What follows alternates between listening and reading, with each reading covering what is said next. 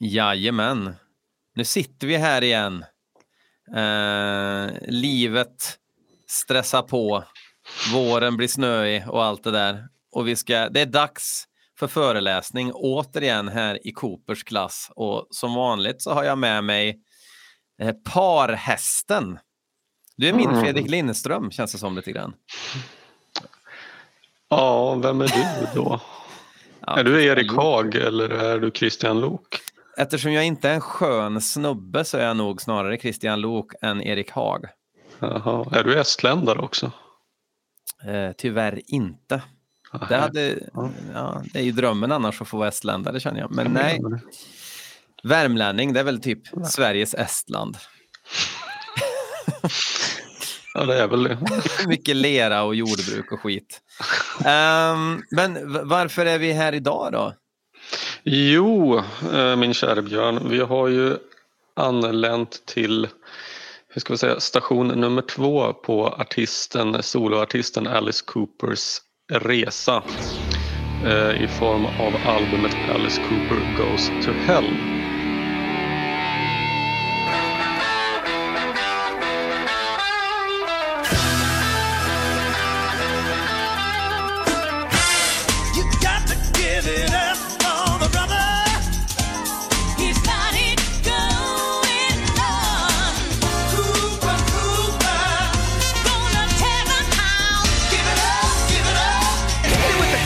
Break it down. uppföljaren till Welcome to my nightmare. Och eh, med oss har vi en gäst vid namn John Carlson. Eh, Och jag, tyckte, jag tycker att ska vi helt enkelt passa över bollen till John som får säga vem han är. Vem är du egentligen John? Eh, ja, John Karlsson som sagt. Eh, jag vet inte, om man skulle vara med här så skulle man ha någon form av star quality. Eh, och, eh, jag blev tillfrågad så att jag antar att mitt medlemskap i diverse band från 90-talet och framåt kvalificerar som det. De band som jag är aktiv i just nu är ju då Eternal Autumn som återuppstått Eh, efter ett uppehåll på nästan 20 år. Plus att jag också spelar gitarr i ett eh, band som heter Eternal Darkness som eh, har varit i, legat i träda i nästan 25 år. Eh, det är väl det som jag eh, är, är aktiv med idag i alla fall. Men det är lite lustigt för jag minns att du och jag tog lite kontakt när jag var att jag hade ju upptäckt eh, ett band som hette Plutonium och Mm. som eh, jag tog med på en årsbästa lista på Ja, det. Hatbrottsbloggen. Mm. Och jag hade ju ingen aning om att eh, det var ju du som medverkade där. Ja. Men då minns jag att du skrev till mig och så Ja, det var ju himla roligt. Är det ett band, är det, finns det fortfarande eller är det slut? Liksom? Nej, det är begravt. Jaha. Det- var lite synd tycker jag. Tycker det var himla bra. Men eh, ja. Men eh, är det, inspirationen tog slut helt enkelt. Och sen finns det inget band som inte har tjänat på att lägga ner. Det är det bästa ett band kan göra. Och fler borde lägga ner. Väldigt många band spelar helt i onödan. Så att det är hatten av tycker jag John. Ja, det, Men alltså Björn, när du lägger upp bollen så där så kan ju inte jag låta bli att smasha. Alice Cooper håller ju fortfarande på. Mm. mm. Men han är ju en artist. Han är en artist. Ja, okej. Man behöver inte sluta hålla på med musik, men band mår ju inte Band bra av att spela länge ihop. Nej, det är nog sant. Ja, men eh, med, med, med det sagt ska vi helt enkelt kasta oss in i den skiva som är Alice Cooper Goes to Hell. Ja. Ska vi börja med att fara åt helvete här nu då i Go to Hell? Ja, ska vi börja direkt och, dissekera låtarna? Ska vi inte prata lite grann om egen relation till skivan och sånt där? Absolut. det kan vi göra. ja, Okej, då vill jag bara börja med en liten parentes så här en, en anekdot i, i form av en kul grej hände mig på väg eh, till kvällens omgång. Eh, Det var inte ikväll men det var, det var skivmässa här i Sundsvall eh, i helgen. Och eh, det var lite av en flopp. Jag köpte just ingenting och jag varit arg över att jag inte hittade några fynd. Men vad jag blev glad av däremot var att jag såg en typ 13-åring knipa åt sig en tidig utgåva av boxen The Life and Crimes of Alice Cooper och som han gick och höll Mm. hårt i resten av dagen. Man blev glad. Liksom. Fan vad härligt att höra. Mm. Jag, Sånt jag har eh, bara en liten, en, liten, en liten parentes där. Jag, jag jobbar ju inom skolans värld. Och eh, jag tror att eh, vi dinosaurier någonstans tänker att barn och ungdomar bara ska lyssna på det nyaste, hetaste. Eh, den uppfattningen har inte jag alls. Det finns liksom inget, det finns, ehm, vad ska man säga? Det finns ingenting som är töntigt att lyssna på idag. Är det bra eller dåligt? Jag tror att det är 90% bra faktiskt. Mm. Folk vågar vara genuina i vad de uppskattar. Ehm, och eh, jag ser liksom inga, jag ser inga trender hos de som verkligen lyssnar på musik. Så ser jag liksom Mm. inte att det här är det man ska gilla för att vara cool. Man är cool på annat vis nu än vad man var. Musiken var ju verkligen en sorts eh, statusmarkör när man själv var yngre tonåren och ja, även äldre tonåren för den delen. Eh, så ser jag inte på saken idag. Det är många eh, liksom, av de coola som gillar liksom, 70-tals classic rockband och sådär nu. Mm. Eh, jag tror inte att det är lokalt utan jag tror att det ser lite grann ut så nu. Det är lite kul att du säger det för att dagen innan skivmässan så var jag och lyssnade på en föreläsning av Fredrik Strage där han berättade lite anekdoter om, eh, om sin dotters uppväxt och dennes eh, dotterns eh, resa in i, i subkulturer. Och han berättade att det svängde ju jävligt fort mellan de här olika stilarna. Men eh, han menade att enligt hans analys så var det här att, eh, ett tecken på att du kan alternera mellan en väldans massa olika klädstilar och attribut. Men det är inte så som det var som förut att, att musiken var så att säga själva fundamentet i de här subkulturerna. Utan det är mer modet som har tagit Mm. över. Eh, och han menar att det här beror på tillgängligheten. Alltså så att det, det går inte att vara särskilt speciellt när allt du behöver faktiskt är så att säga en, en telefon och en internetuppkoppling för att ha tillgång till typ all musik i hela världen. Intressant. Jag eh, köper det till 100 procent. Jag gissar också att det är så. Eh, och ehm, mm, ja, Det var jätteintressant. För, för jag menar, många klär ju sig subkulturellt. Och det är väl egentligen bara de stackars kvinnorna i våran ålder som måste berätta vilka låtar, banden, vars t-shirt de bär, eh, Ja, ja. i vilka studios de är inspelade och sådär. Jag tror inte att, att 19-åriga killar jagar tjejerna och tvingar dem redovisa diskografier i samma utsträckning. Vi får hoppas på det i alla fall. Ja, det får vi verkligen göra. Mm. Ja, men om vi då börjar så att säga med egen relation till skivan. Vem vill hoppa först in i tanken? Jag tycker John. Okej. Mm. Mm. Eh, jag ska väl ta lite kort då kanske om mitt eh, förhållande till Alice Cooper. Och, eh, eh, jag är från början eh, ett Kiss-fan. Det var liksom det första bandet som jag upptäckte på egen hand. Eh, och ganska tidigt också. Jag tror jag gick lågstadiet, någonting sånt där. Eh, ja, det måste varit också tidigt 80-tal.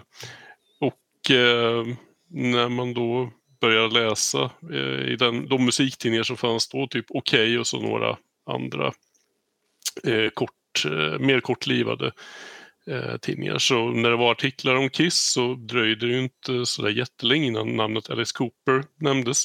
Av eh, kanske inte helt eh, långsökta anledningar. Det är lite samma eh, stuk på det. Det är mm, liksom ska man säga, grunden i någon slags eh, glam, eh, rock, hårdrock och lite så här chockrock inramning.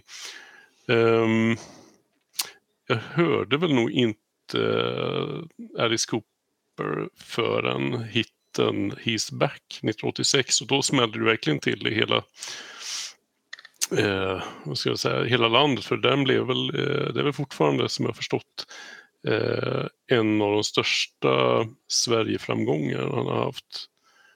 Och det är Ja, också en han- sån låt som eh, blivit sto- stor i just Sverige. Det, har, han själv har ju skrivit, tror jag faktiskt i den här boxen vi tidigare nämnde, Life and Crime, så att He's Back blev etta i Sverige. Men så hög placering tror jag aldrig den fick. Men däremot så var det en listframgång. Alltså, och att den låten har en särskild plats i Sverige, så är det. Det är därför han alltid kört den live. Här. Mm.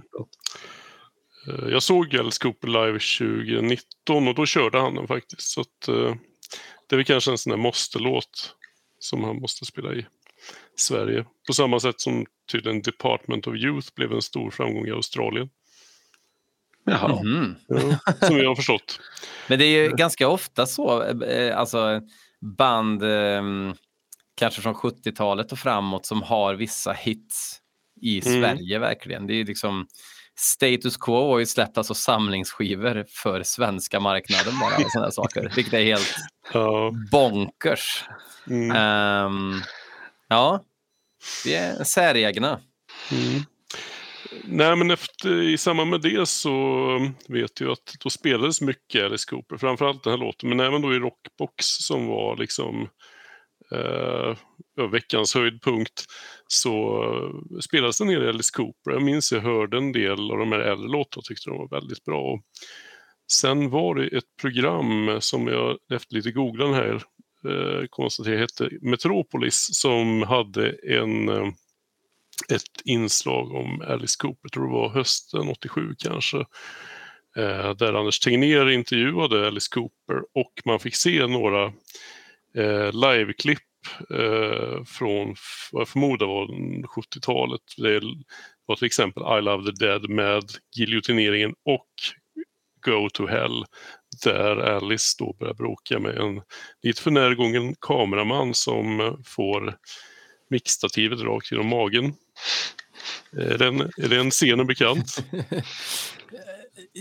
Inte för mig. Nej, Okej. Nej, Eh, inte på rak arm i alla fall. nej. Eh, nej, men jag var, ju, inte- jag var inte ens tonåring då. Det gjorde ett ganska stort intryck på mig.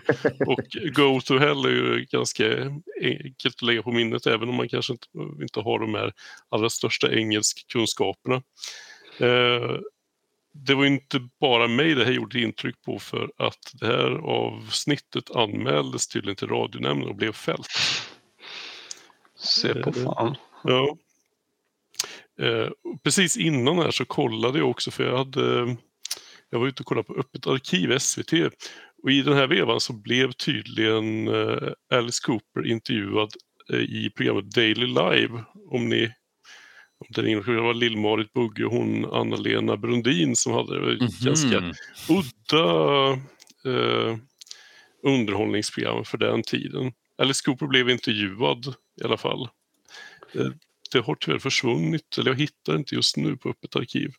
Vilket, vilket år var det här ungefär? Så? 87.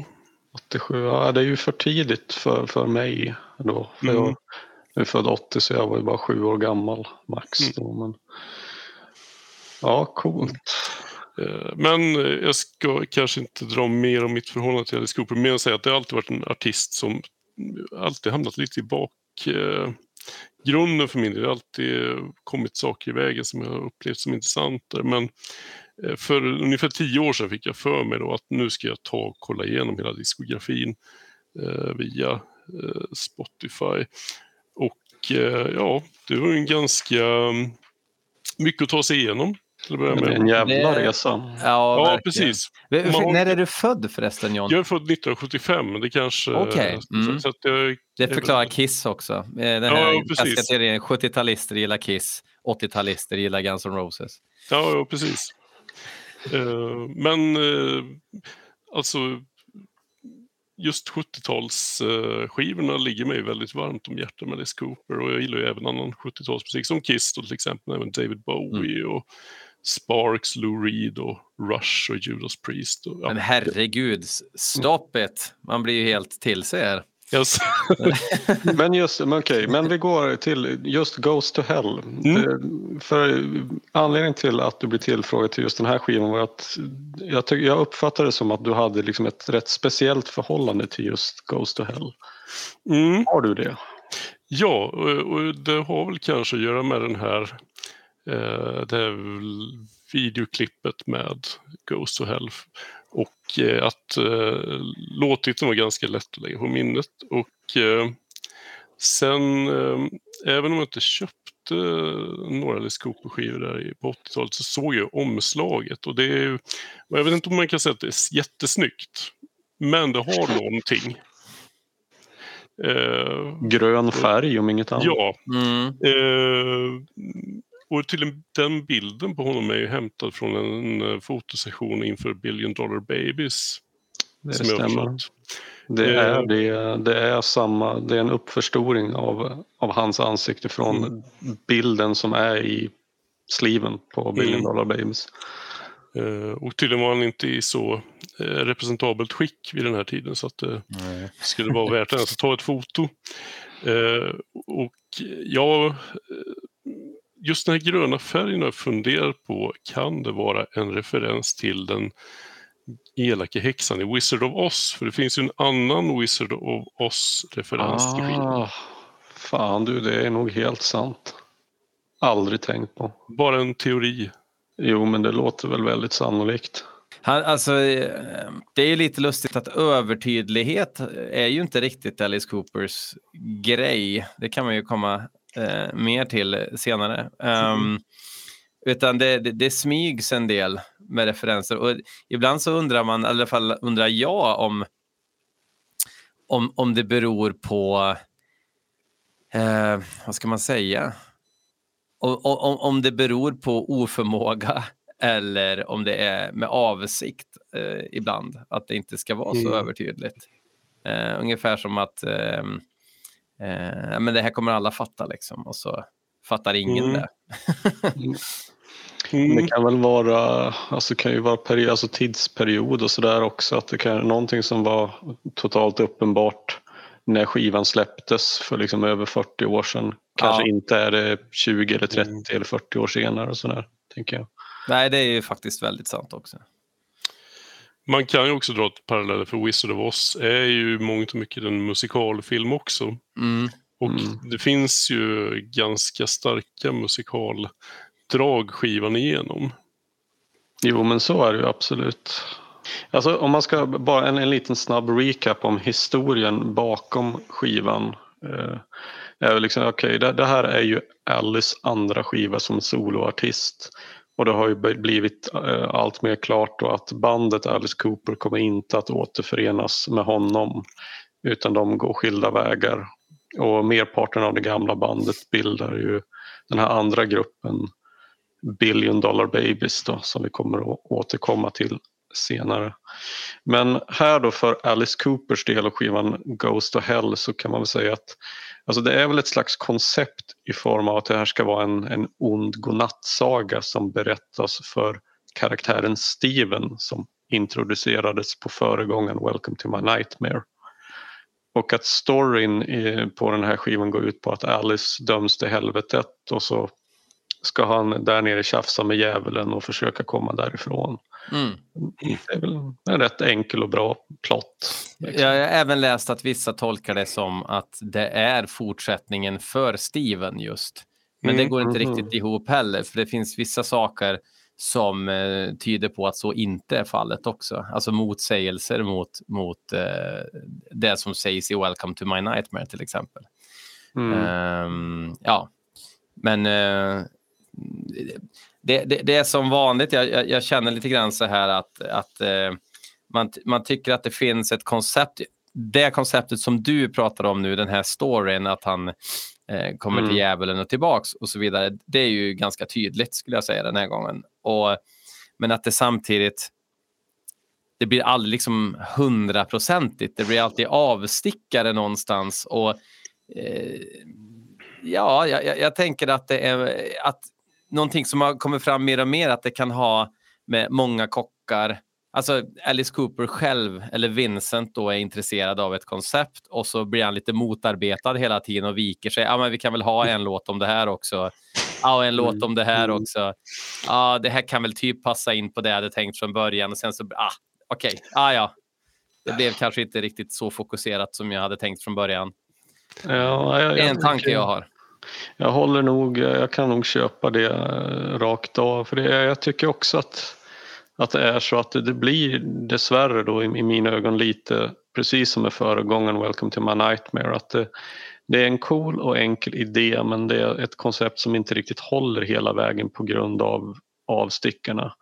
Och då, då blir det ju några låtar som känns rätt malplacerade rent storymässigt. Mm. Vilket till sist Mm. gör att handlingen mynnar liksom inte ut i så mycket. Även om man kan ha väldigt kul på vägen ska sägas. Mm. Absolut, men är inte det här ändå den gång han har lyckats bäst?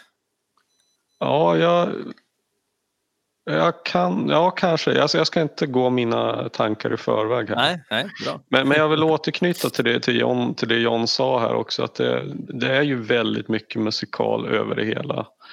Och jag tycker sammantaget så blir det ju liksom som att Alltså med tanke på det musikaliska innehållet och, så och kasten mellan olika stilar som presenteras på skivan.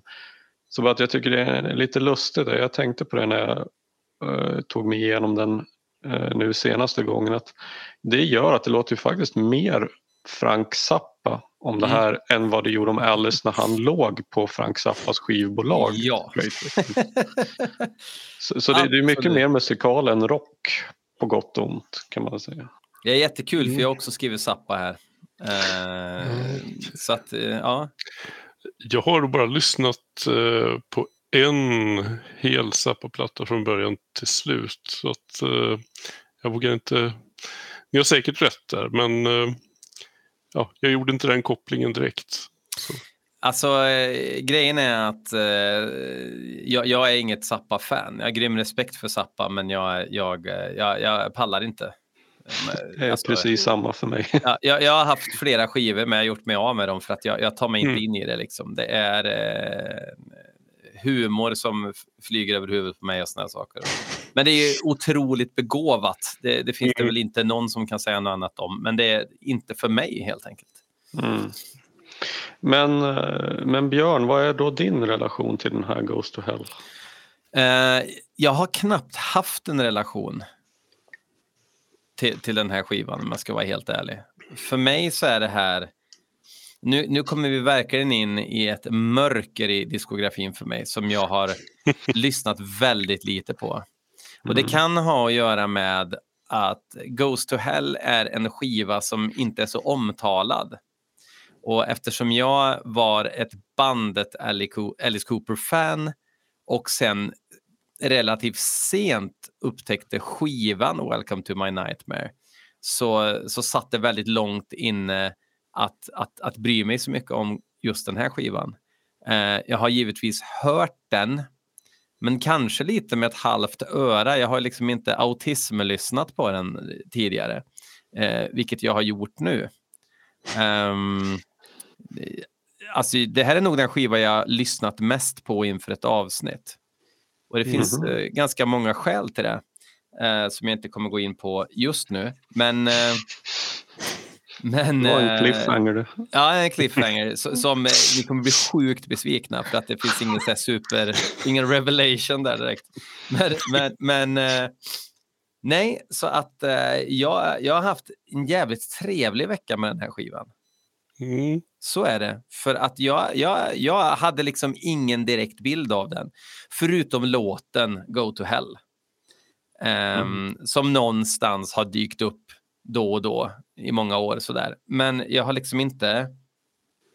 Jag har inte bekantat mig så nära skivan med, med skivan som jag har gjort nu. Eh, så det, och ja, man vill inte säga för mycket innan man går in på låtarna känner jag, men, men eh, typ så. Jag, jag, har- jag nästan ingen relation har jag haft med den här skivan. Mer än att trummisen eh, Johan i Mordbrand har en Ghost to Hell t-shirt på sig ofta.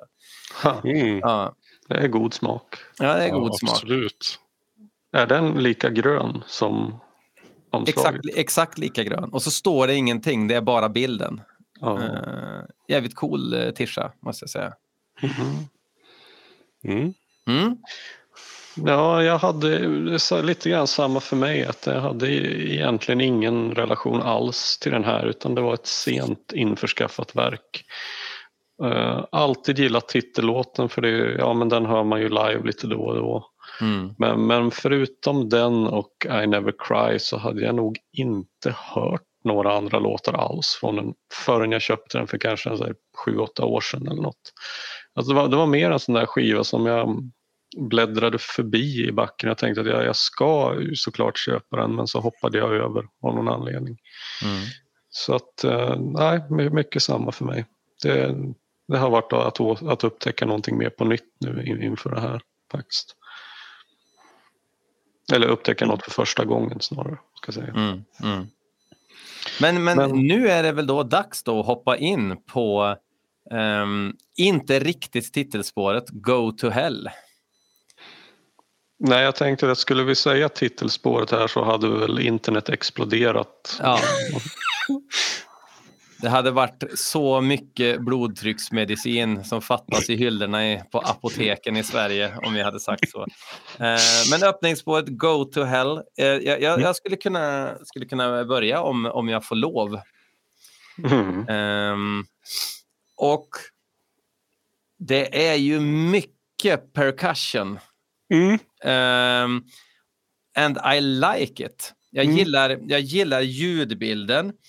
Det är ganska intressant att, att eh, det första som slog mig är att fy fan vad bra det låter om den här Mm. skivan.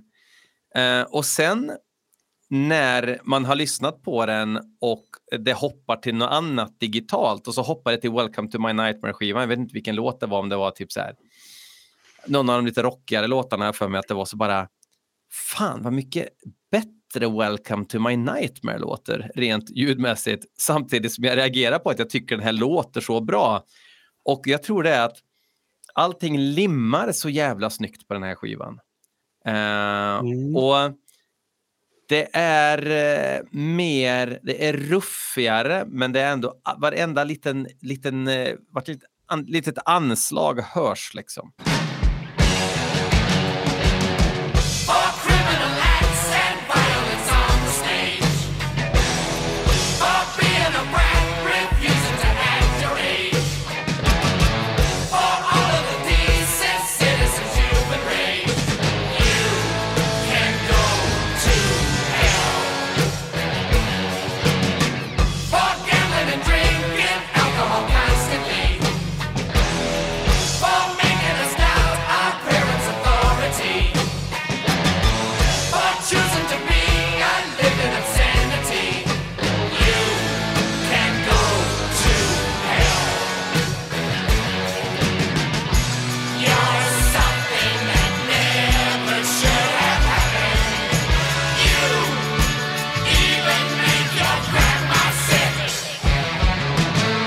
Men den är, den är ganska skitig men ändå väldigt tydlig på något vis.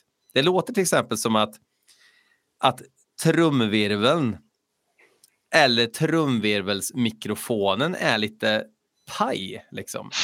Mm. Så, så att de här virvelslagen, de distar lite. Som, men, men det låter inte som att det är ett misstag, utan det låter som att ja, vi vill ha jävla fet, trasig virvel. Liksom. Och sen eh, även ehm, Allan Schwartzberg bakom hinkarna mår ju ingen dåligt av heller. Helvete Nej. vilket trumspel det är på den här skivan alltså. Han spelar så jävla bra så att Eh, så att det verkligen sticker ut tycker jag. Eh, och sen låten då. Nej, det, jag älskar den här låten verkligen. Eh, och jag älskar den i originalversion. För jag har ju hört den också många, många gånger, men aldrig liksom lyssnat på skivversionslåten på det sättet jag har lyssnat nu. Um, ja, jag, jag, tycker den är skitbra. Den är ju lite... Mm. en g- g- tung låt. Och det är det som är så coolt eh, med, med hela skivan tycker jag att det låter så jävla tungt när det egentligen inte finns fog för det. det är hängigt och det är liksom släpigt eh, på många låtar. Eh, så det är en tyngre skiva på många sätt tycker jag.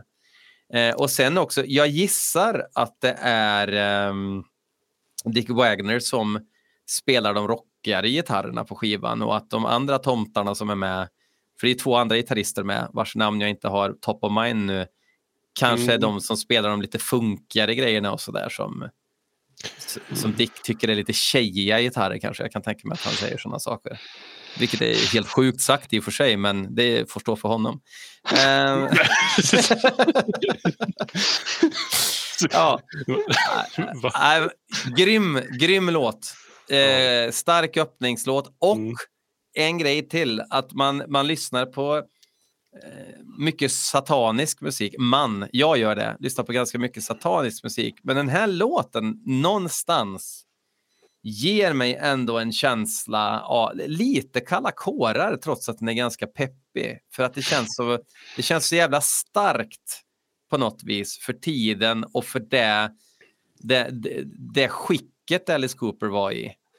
Eh, Mm. och att hans förmodligen slogs en del med sin egen liksom, existens, alltså existentiella frågor och sin egen tro kanske också, gissar jag på den här Mm. tiden.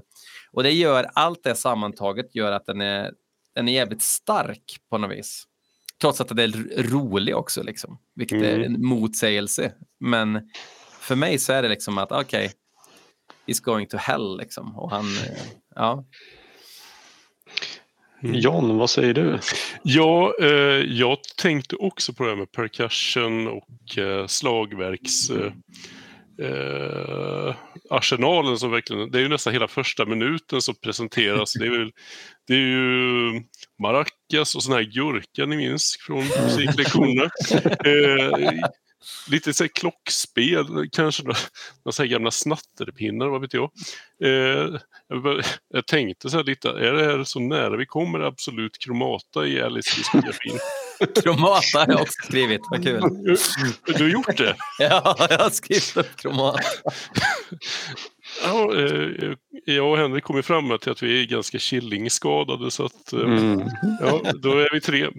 Eh, en annan sak jag tänker på är att eh, låten är ju lite fem minuter men det är ganska långa instrumentala partier. Det tar en minut innan sången kommer in. Eh, sen eh, efter ungefär två minuter så har vi kanske nästan en minuts mellanspel, det här lite mystiska. Och sen från 3.43 och framåt så är det eh, instrumentalt. Eh, så att det är väldigt lite sång på, eller den, den sången är väldigt intensiv visserligen, men eh, för att vara en så ändå, är det någonting man tänker på egentligen? Nej. Eh, nej, verkligen inte ska jag säga. Det, alltså jag tycker det här är en helt suverän låt. Alltså det är Ja. eh, enligt mig den absolut starkaste låten på skivan och det är en elak, kul idé, det är en perfekt öppningslåt. En superb mix av rock och något annat, kromata får det vara. Mm. Men, eh, men med fokus på, på det tunga för det är en tung svängig bit. Så det är precis så vill man ju ha sin Alice. Men just det med, med, med sången, för att jag tycker att eh, alltså textraden Force feed a diabetic a candy cane.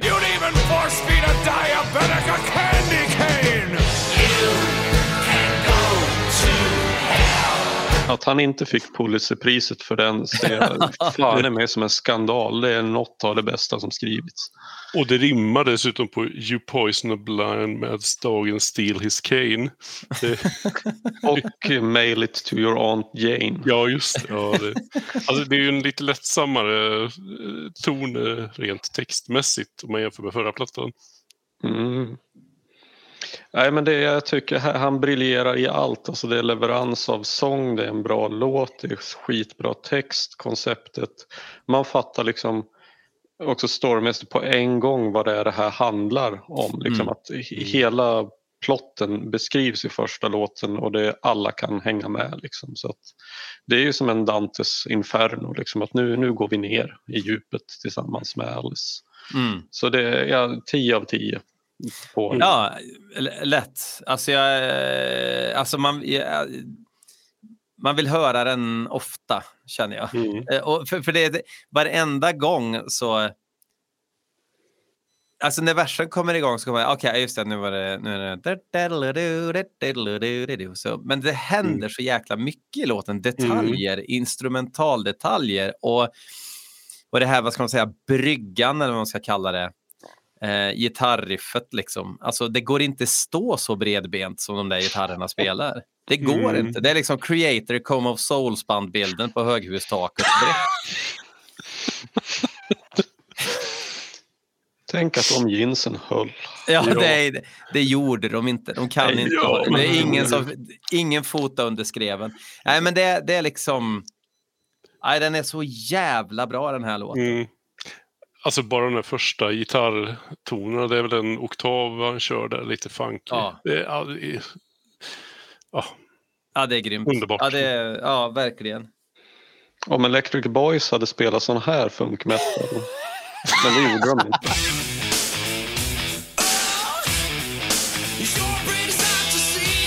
Nej, de valde en annan väg. De valde ett eh, Faith No More utan låtar istället. Och det var, Ja. ja, det var ett, Och ingen Mike Patton heller. nej, ingen Mike Patton framför allt.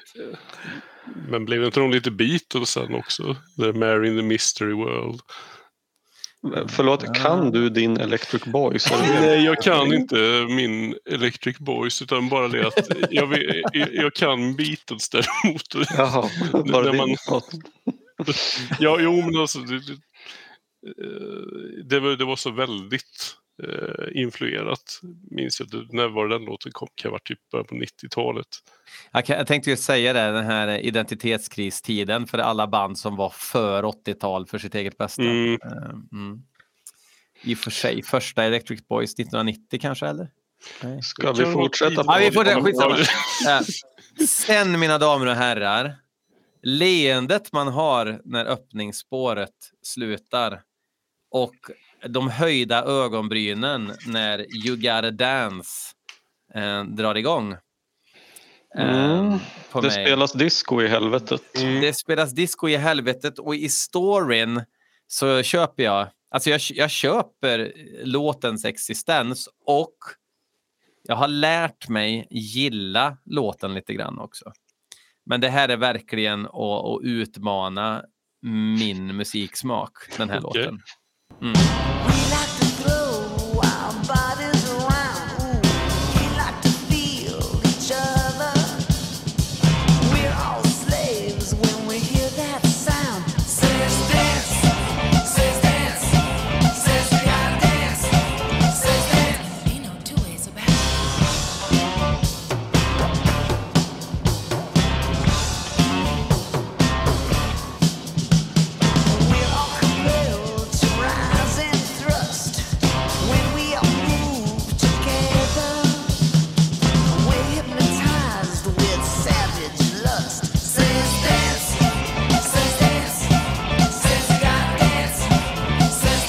John, vad säger du? Ja, jag tycker det här är sjukt svängigt. Det är eh, liksom, eh, ja visst det är disco men det är också lite eh, sådär Elvis Las Vegas med alla de här stråkarna och blåsa storbandsgrejen och sen, jag vet inte, det här var faktiskt jag får göra en liten bekännelse. Det här var enligt Spotify så var det här den mest spelade låten för mig 2014. You gotta dance. Herregud! Jaha. Ja, ja. Ja. Eh, Var, var, var det mycket eh, fest med de betydligt äldre arbetskamraterna under 2014? Nej, det var det inte. Nej. Utan, eh, vi kan väl också tillägga det att 56 av My Top 100 Songs låtar var Alice Cooper. Ja. Eh, så att, men jag vet inte, jag fastnade det. Det är så sjukt svängigt. Du får tatuera in 56 på armen eller någonting och så Ja, förstår alla lyssnare vad den tatueringen innebär. Mm. Eh, jag ska inte fortsätta gå in på den listan för den, eh, den är mycket märklig. 2014 måste ha varit ett konstigt år i mitt liv. Men jag köper ju givetvis, jag menar, som sagt, det, det, det är ju inga pissluffare bakom instrumenten på den här låten. Så är det ju bara. Och, men men det, det, det är ju alltid för mig så är det ju, hade det varit någon annan som sjöng så hade det varit något helt annat. Ehm, Mm. han på något vis får det mesta att limma hyfsat när det går överstyr. Eh, men sen är det ju den här falsettslingan som även typ spelas på blås, får jag i huvudet nu i början. Dun, Mm. dun, dun, dun. Mm. Det räddar ju det här Titanic-skeppet för mig lite grann. Att Okej, men nu åker vi upp igen helt plötsligt. Och så är vi vid vattenytan och skvalpar eh, med bedrövlig disco en liten stund. Mm. Ja. Ja, jag, Jag alltså, gillar det. Ja, men det, det är ju tidstypiskt perfekt slagverk och allt och sådär. Och det ja, rätt kul, jag vet bara inte om jag själv tycker att det är bra. Alltså det är snyggt, det är proffsigt, det är skickligt arrangerat. Men det ger mig kanske inte så mycket. Men det är just där, ordet skickligt tycker jag är ett, ett ord som passar så bra för att beskriva så jävla mycket på den här skivan. Och det är att jag blir mer imponerad över själva hantverket och arrangemangen kanske snarare än att jag verkligen går igång på låtarna. Det är liksom mer musik för folk som har såna här eh, träkulehalsband. Och, eh, ja, och har eh, möbelbas, för att dra en referens från någon eh, eh, trummisen i Horndal som i helgen introducerar begreppet. Så förstår man att det är folk som gillar, fan, va, vilken synkop, säger de och skrattar till varandra. Är det, en sån här, Eh. är det möbelbas? Är det såna här jävla basar som saknar huvuden och som liksom bara slutar? ja, jag, kan, jag tänker mest att det är natur, natur, natur alltså träfärgat och natur. Ja, Mhm. Gärna utan band, alltså bandlös bas. Det ska, ja, ja, ja, band, ja, bandlös bas är ju inte helt oävet bland möbelfreaksen. Det det. Som, som någon sa, en, en Ehm. bandlös basspelare borde bli en bandlös basist.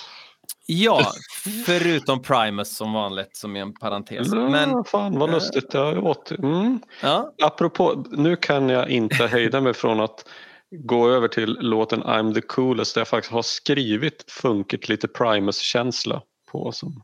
okej. Mm. Eh, Intressant. Det, här, det här är alltså en låt som ursprungligen skulle spelats in som en duett tillsammans med Henry Winkler, det vill säga Fonzie från Happy Days. Okej. Men han hoppade tydligen av. Ja, det är inte helt... eh, jag kan inte... Mm. Jag, har, jag har svårt att se varför han skulle hoppa av. Det kanske är skäl som är helt orimliga. Men, men eh, här, här säger ju jag Zappa däremot. För här har vi ju verkligen det här lite monologiga eh, historieberättandet. Ehm, världens banalaste djävulsgestalt snackar vi om här i alla fall. Mm. Eh, Det här är ju lite mer jazzigt eller soul-aktigt Mm. tycker jag. Eh, det jag tänker mest på här är, har vi hört eh, det här röstläget från Alice Cooper tidigare? För det känns som en helt ny röst. Helt, så jag, jag reagerar också på det, att det är en väldigt låg mällsånginsats Mm. från honom. Jävligt laid back sådär. Och eh, ja, som sagt lite ny i sammanhanget. Ja, jag Men skulle säga att när han väl ta, börjar ta toner, då, är det, då, då låter han ju exakt som Frank Zappa faktiskt. Mhm. Även sångmässigt. Okej. Eh, ja, jag, jag, jag, det är nästan så jag tänker att det är en, bl- en blinkning till eh, kompisen och livslevande Frank Zappa på den här tiden. Att han liksom... Nu, nu härmar jag dig lite här. Visst låter jag precis som dig, Frank? Absolut, Vincent, säger han då. Kanske. Det, det här i storyn ska det här vara en slags liten eh, debatt eller dialog mellan eh, Alice Cooper och djävulen. Och då undrar man vem är egentligen coolast av Alice Cooper och Satan? I, I den här Satan då alltså? Mm. Eller, eller generellt? Alltså jag vet inte. Jag tänker på den här filmen eh, End of Days med Schwarzenegger mot Satan. Jag tänker att det här är ju lite grann om en föregångare till den filmen. Jaha. Är det ingen som minns End of Days? Det kanske är lite bra. Nej, jag... Där, Jag minns vet. filmaffischen. Eh, men jag Ja, det inte är- trängt.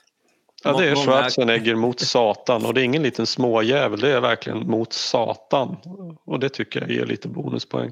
Ja, Men, eh, absolut. Men här är det då Alice mot eh, the big enchilada himself. Can't believe package like you sitting on the shelf. Let me tell you, I'm so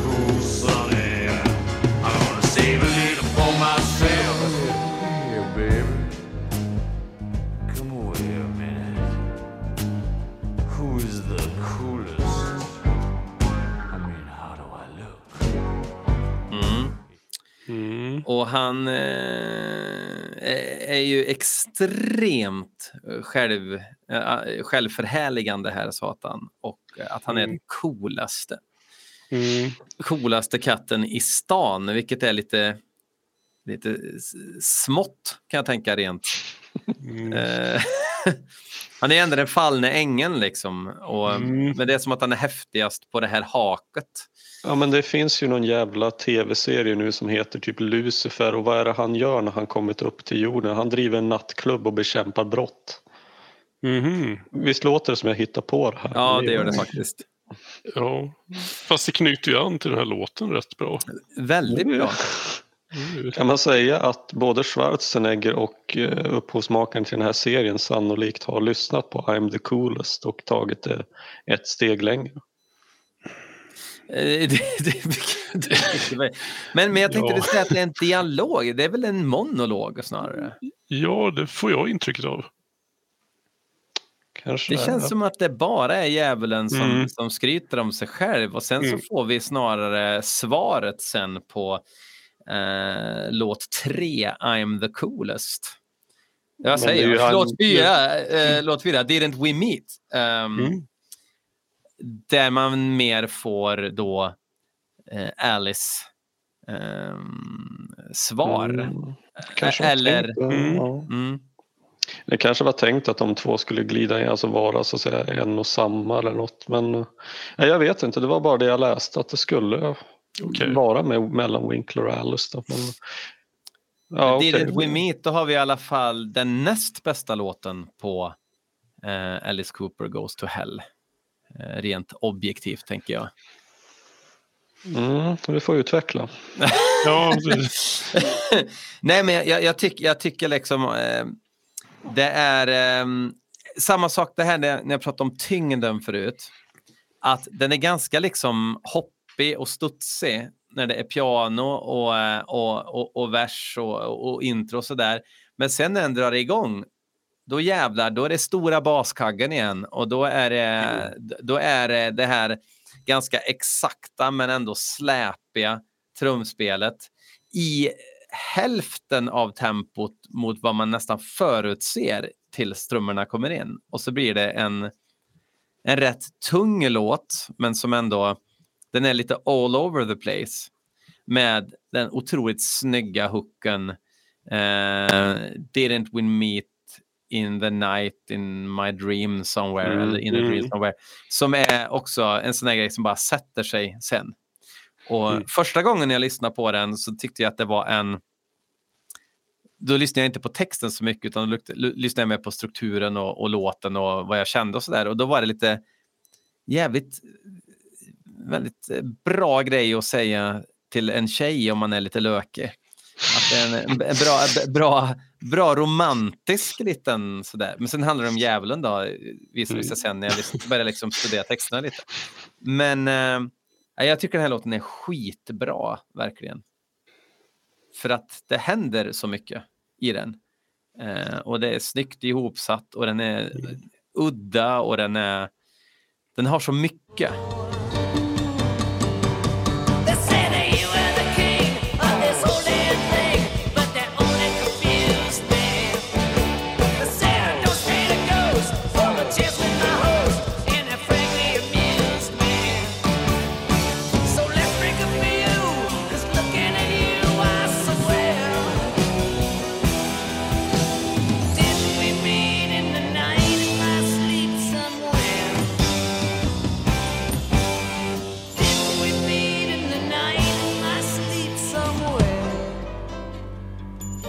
Finstämt och det är tungt och det är ja, återigen fantastiskt eh, spel av alla musiker eh, också. Otroligt väl gjort. Ja, Mm. Jag instämmer. Det är ju, alltså, jag ska inte kalla det för ballad, mer halvballad sådär. Och Den är ju väldigt snyggt skriven eh, och snyggt arrangerad. Uh, jag gillar ju det här lite rockigare mellanspelet också. Uh, en sak som jag tänker här på är hur man, eh, en typisk Bob Esrin-detalj är ju att eh, pianospelet ofta ligger som i bakgrunden och stödjer gitarrerna. mm. Och det kan man göra på en annan Bob Esrin-produktion från det här året, 1976, när Destroyer med Kiss. Ta eh, låtarna Detroit Rock City och Shout It Out Loud. Där har du, eh, hör man verkligen hur, hur pianon liksom fyller upp gitarrerna på ett annat sätt. Mm. Absolut. Jag har, inte, jag har inte riktigt tänkt på det, men jag hör de där pianorna nu eh, Mm. när, när du säger det. Eh, vilket är mm, också ett, ett tecken på att man är en skicklig producent, när det inte är Mm. övertydligt. Det, li, det limmar så jävla snyggt liksom. Mm. Ja, det är lite, jag själv har jag nog, ser jag väl det här lite grann som ja, en liten bagatell i mina öron men med en riktigt bra liksom, halvrefräng och brygga och sådär. Det, det, återigen så är det skickligt. Och så Mm. tycker jag om att eh, alltså, man får höra Alice ta i lite från tårna igen. Det är liksom ett Mm. utbrott jag gärna hade hört faktiskt mycket mer av. Och så är det ju lite besynnerliga vändningar i den här låten som får mig att undra om det var tänkt att det under den här låten på scen eh, på scenproduktionen skulle hända någonting. Inte vet jag, någon, någon dans eller stora uppblåsbara Mm. djur eller någonting. Jag vet inte. Mm. Eh, Jag vet väldigt lite om hur det egentligen eh, hur, hur det var med, med framträdanden för Alice Coopers del vid den här tiden. Att det, det var ju tänkt att även det här skulle väl vara en jävla stor Mm. produktion men han mådde väl så jävla kast att det inte riktigt gick. Det, det, blev, det blev väl ingen turné av det här? Nej, eh, tydligen så led han av anemi, blodbrist under den här tiden. Mm. Om man får tro Wikipedia, men eh, det verkar vara... Jag har kollat, på, eller kollat andra källor också, det verkar vara så. Eh, Men det är ju som du säger att det är ju en del som, jag noterade det med ju i eh, första låten, Go to Hell, att det är ju eh, hyfsat långa instrumentala partier och man tänker ju att där ska det hända någonting Mm. på scen. Mm. Eh, apropå det med anemi så är det inte ovanligt eh, med eh, folk som är så alkoholiserade att de i, i princip slutar äta och bara Mm. dricka. Att, eh, så, så att det, och så som jag har förstått det, alltså det är någonting som jag blivit mer och mer liksom varse om på grund av eh, den här studiecirkeln som vi har. Eh, och det är ju att han var betydligt mer illa däran än vad jag tidigare har förstått, även eh, från hans egna ord. För hans egna ord har varit lite så här, ja, I was a happy drunk och så där. Mm. Mycket prat så här, så Mm. som att, nej men jag, och så slutar jag dricka alkohol bara och sen, sen har jag inte gjort det sen dess. Okej, det lät ju som, som en förkylning nästan. Liksom, Mm. Men alltså han var ju, han var ju ett jävla vrak alltså. Mm. Mm. Vilket man inte hör på hans sång alls, skulle jag säga. Ja, Jag, jag har undrat lite grann över det där själv också. Det, eh, I och med att man känner till hans tillstånd nu så är det som att det, det har fått mig att vilja lyssna lite extra på sångprestationerna. Och jag, det, det är ju samma med liksom de här skivorna på tidigt 80 när han inte bara drack utan var inne på liksom att freebasea kokain och sådär. Att, att till och med då lyckas han ju låta oförskämt pigg Mm. på ett sätt som det inte Mm. riktigt borde kunna gå att göra. Men eh, ja, Eh, och apropå det här med med drickande, ska vi gå vidare till nästa låt I Never Cry som jag har lite med den saken att göra. Mm. Ja, kör på Henrik. Ja, Ja, det är ju en, en av de här Housewife-balladerna då. Uh, varför nu inte de var med i Desperate Housewives? Borde de vara? Kanske de var. Ja, det var några hundra avsnitt. Så. Ja, jag tror det. Menar så här, det är väl en av de mer helgjutna låtarna på skivan men jag tycker ju inte att den direkt passar in i konceptet. Eller Alltså den, med, med ett nödrop då kanske liksom man kan skohorna in det men nog tycker jag att den känns lite out of context. Men, det- men det är en bra låt liksom, för vad det är. Mm. until the TV's dead and gone. I may be lonely, but I'm never alone. And the night may pass me by, but I never cry.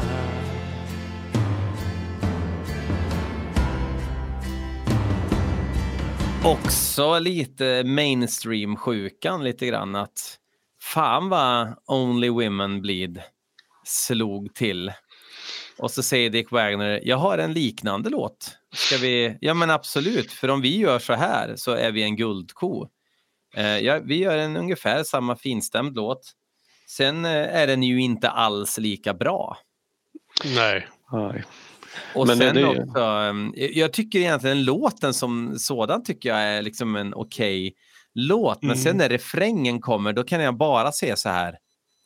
Den, refrängen är lite klyschig i sitt melodispråk. Det är lite grann så här eh, old school sitcoms där varje karaktär filmas och sen vänder sig om och ler in i kameran. Take away, take away my eyes. Sometimes I'd rather be blind. Break a heart. Den sortens toner. Alltså det skulle kunna vara så här huset fullt. Jag tänkte Eh, exakt på huset fullt. Ja, huset fullt refrängare och det är ju inte min scen. Nej. Nej. En full housewife-ballad. Mm. Ja. Men det är ju inte fel att dra parallellt till Only Women Bleed för den här slutar väl också A-sidan. Ja, Och, eh, men eh, det är ju långt ifrån samma höjder, helt klart. Mm. Eh, jag tänker just det med textmässigt också att eh, här är det väl nästan eh, frågan om det är koncept utan mer rop på hjälp som du sa Henrik. Mm. Och att den är mer autobiografisk även fast det kanske inte var riktigt lika tydligt då som nu. Nej, jag, tänker väl det. Men det är ju givetvis som ni säger, alltså att det här måste ju ha med liksom, den kommersiella approachen att Mm. göra. För alltså, man kan ju kalla den här skivan för mycket men kommersiell är den ju fan med inte. Nej. Mm. Alltså, jag, jag vet inte riktigt, finns det ens någon annan låt som hade kunnat vara en singel från den här skivan? You gotta dance. Nej. Nej. Jag Stor i tycker- Sverige. Ja, ja precis. Eh, jag tycker den här låten sänker tempot lite för lågt mm, Ja. i, under, just i det här momentet under lyssningen. Så den är lite eh, felplacerad nästan. Skulle nog vilja ha något lite mer uptempo här. Mm. Ja, nej, men det, det blir ju ännu mär- jag tycker det blir ännu märkligare liksom när, när storyn fortsätter då med nästa låt Give the kid a break för då är vi ju ändå Alltså I never cry rent historiemässigt det är ju som ett kapitel som man verkligen bara har slängt in i en bok som inte har Mm. någonting Mm. med resten att göra. Så att eh, den här Didn't we meet grejen den, den fortsätter ju i och med Give the kid a break. Mm. Alltså, kan, kan, alltså, rent konceptuellt om man inte liksom nagelfar texten och sådär, men eh, om man, om, man, om man ändå kommer överens om, vilket också är bekräftat, det här är ju ehm, I never cry är ju en låt om alkoholism, eller ja, Mhm. hans alkoholism. Och att vi har då, okej, ehm, Go to hell, jag kommer hamna i helvetet för det jag gör, You gotta dance, nu är det lite Sin City här. I'm the coolest, jag träffar djävulen. Didn't we meet? Jag har sett dig djävulen förut. Um, I never cry, jag går ner mig i sprit. Um, Och nu har jag nått rock bottom och nu har jag kommit till domstolen då i Give the Kid a Break. Där jag ska plädera för att, uh, kom igen, ge mig en extra chans eh, klädd i en Fats Domino-dräkt. Eh, Mm. typ. Alltså det är okej, det, alltså det, det går väl, det är bara att det känns så långt ifrån helgjutet tycker jag. Alltså det, Mm. Ja, Alltså jag tänker mig om man, om man skulle ha om, om det här hade varit en, en miniserie i tio delar så känns ju I Never Cry som ett avsnitt som liksom har slängts in att det har varit ett avsnitt som har hamnat från en helt annan serie. Men för att behöva fylla ut så liksom kastar man in det och så ja, men epoxylimmar man det ihop det lite grann med resten av historien. Att det funkar okej men det, hade nog, det skulle nog inte varit där ifrån början, det tror jag inte. Ett Nej. Christmas special kanske på Exakt. BBC. Um, men Give Okej. the Kid a Break då? Vad, vad säger du John? Ja, alltså det är ju som du säger, du, du sa Fats Domino, det är lite 50-tals rockspastisch. Don't why I'm down here. Must be something I said. Or some small imperfection. In my soul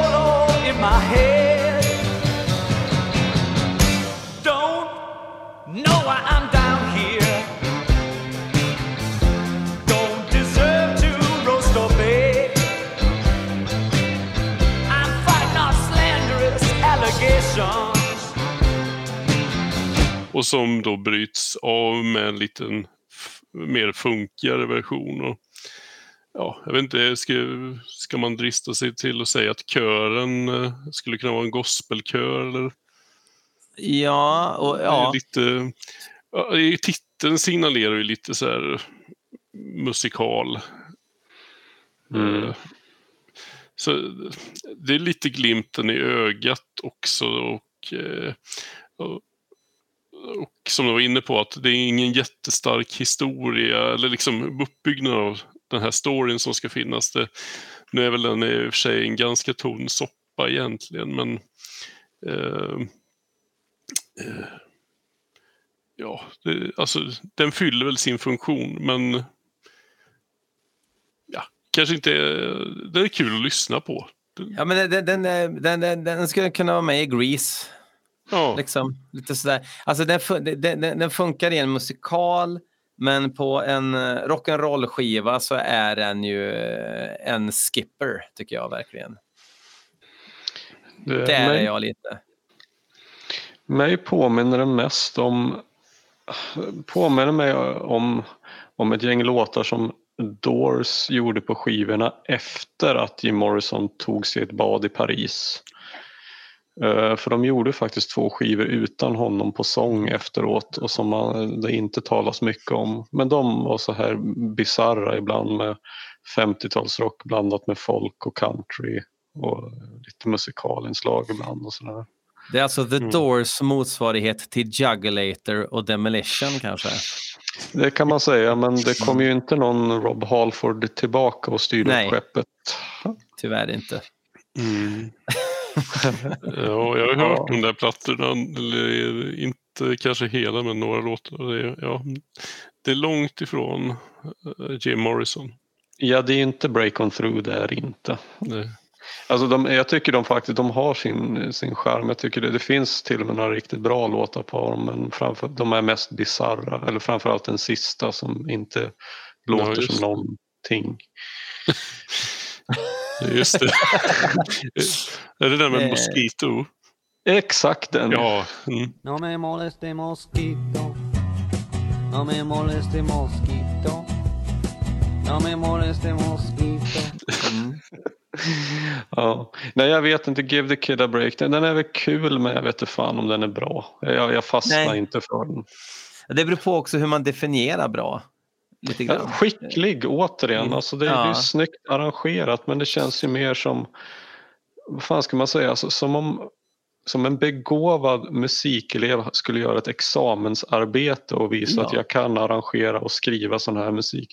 Typ så känner jag. Ja. Absolut, Mm. on point. Och det är, men jag, jag förstår ändå valet av genre för att det här är ju en I'm begging, begging please. Alltså en klassisk Mm. 50-tal. Snälla kom ut till mig ikväll.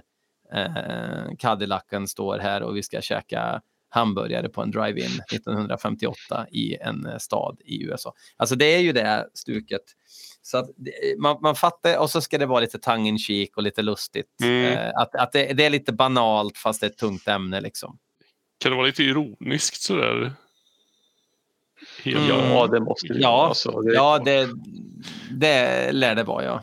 Mm. Förresten, bara in, så att jag inte glömmer, men en sak som slog mig precis nu.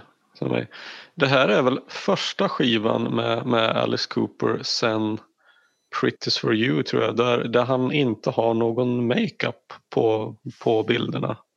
Eller vänta, det, i och med Billion Dollar Baby står det i och för sig en, en baby Ja, som har klassiska sminkögon. Mm. Men, men det måste väl vara medvetet att både på framsidan och på, på baksidan så är det ju bilder på Vincent Furnier utan Alice Cooper-ögonen. Så att det här ska väl vara om, om Vincents... Alltså det här blir ju jättekonstigt för att på skivan så står det att storyn handlar om Mm. att det är en berättelse om att Alice Cooper goes to hell. Men Mm. i och med att han inte har den här sminkningen så får man ju mer intrycket av att det här borde ju vara en, en saga om Vincent Furnier som Ja. går ner i Mm. helvetet. Speciellt med tanke på alkoholism i I Never Cry och, och sådär. Ja, Steven-teorin om att det skulle vara en fortsättning på storyn från Welcome to my nightmare ehm, kan man ju rent av skrota skulle jag säga. För att det är Mm. så mycket referenser till Vincent i den här Mm. text, äh, i den här skivan tycker jag. Mm. Ja, det, var, det var bara ett sidospår men jag bara slog mig nu att fan det, det är ju det, det är ju inte det, det känns inte som karaktären Alice riktigt. Eller jo det gör Nej. det i, i öppningsspåret men inte sen. Mm. Men sen så hoppar vi ju till skivans eh, Rolling Stones-låt, för det måste man ju ha en. Mm, Mm. guilty. Guilty. Ja.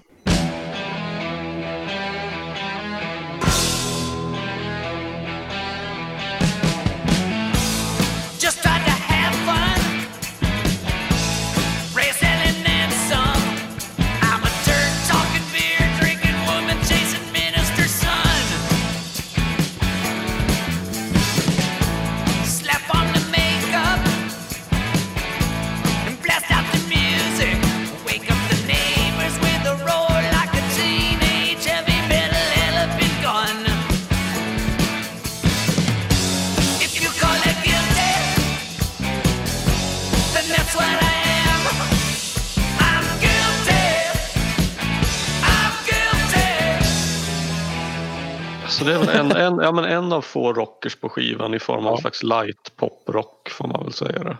Mm. Och det är ja, kompetent för vad det är. Jag tycker Alice sjunger bra men det hade behövt en skarpare text för att nå full pott. Mm. Ja. Texten är ju lite samma sak igen. Att han är en dålig människa och erkänner sig skyldig till det. Mm. Men, men, men, men I kinda like it, får man Ja. känslan av också. Någonstans. Så, som att, ja Mm. men jag är väl skyldig då. Fuck Mm. it. Eh, och jag är dömd till helvetet. Nu får jag likt Thomas Ledin gilla läget lite här. Det Ehm. konceptet får väl en slags uppföljare på Razor Fist and Yell på låten Lock Me Up när Robert Englund inleder med Alice Cooper you have been accused of mass mental cruelty, how do you plead? Och så säger han ju det, guilty. Mm. Ja. Ja. Ja. Jag antar att det är en passning till den här låten eller liksom. Absolut. Eller ja, låten eller, eller eh, st- storygrejen. Det kan ju också vara något så här luddigt sätt att göra upp med sin image också, den här skivan. Mm. Ja, Typ. alltså för det känns ju lite som att eh, han vill eh, distansera sig från den här skräckfiguren Alice Cooper med den här skivan lite grann. Det blir väl ännu tydligare på nästa skiva i diskografin. Ja, gud ja.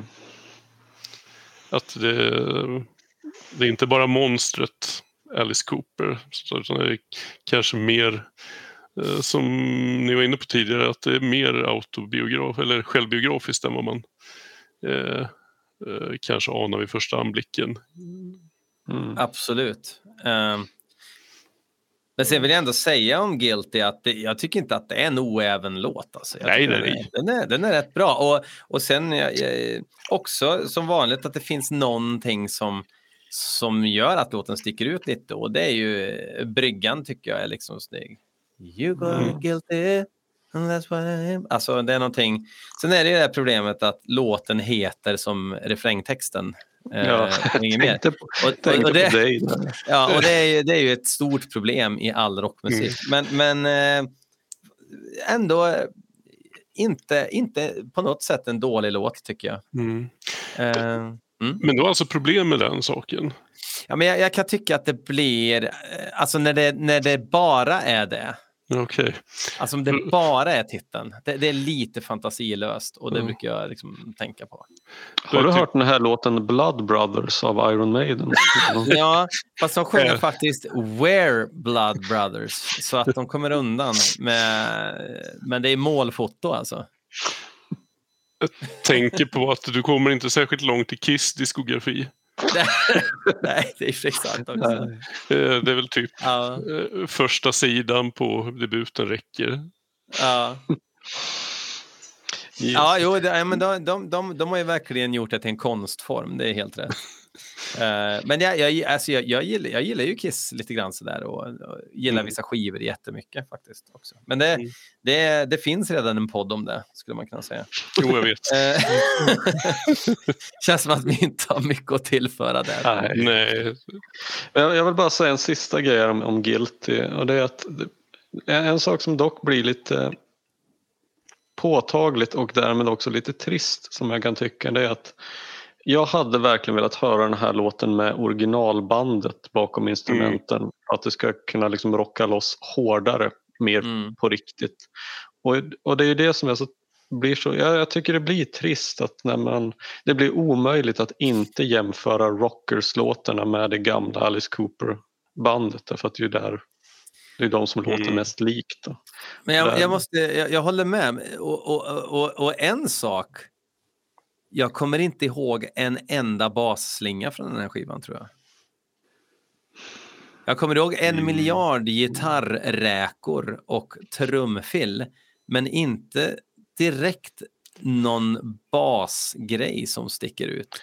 Men jag tror att det, jag tror det är ett väldigt skickligt basspel på den här där basisten gör vad en basist normalt anses ska göra, alltså hålla sig i bakgrunden och, och liksom lyfter hela skiten utan att det egentligen märkas. Men, men det är ju ingen Dennis Dunaway som briljerar. Liksom. Nej, absolut inte. Mm, ja. Men eh, ja, klockan tickar så att vi går vidare tycker jag. Wish you were here. Så Mm. Wake me gently. Till och Wake me gently, förlåt. ja, förlåt. precis. Eh, kladdig men fin. Lite som Göran Lamberts.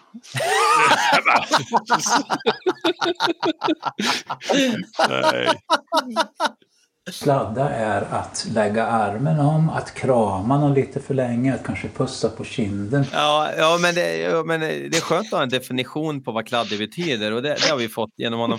Men, men eh, alltså det är ju en jättefin låt. Är det ju. Jag gillar nog den här mer än I Never Cry. Ja, absolut. Ja, ja. Ja, Inget snack. was scared to death, afraid to close my eyes and find that I was gone. Like every other one who left before the dawn, I vanished in the air. Am I still there? Wake me gently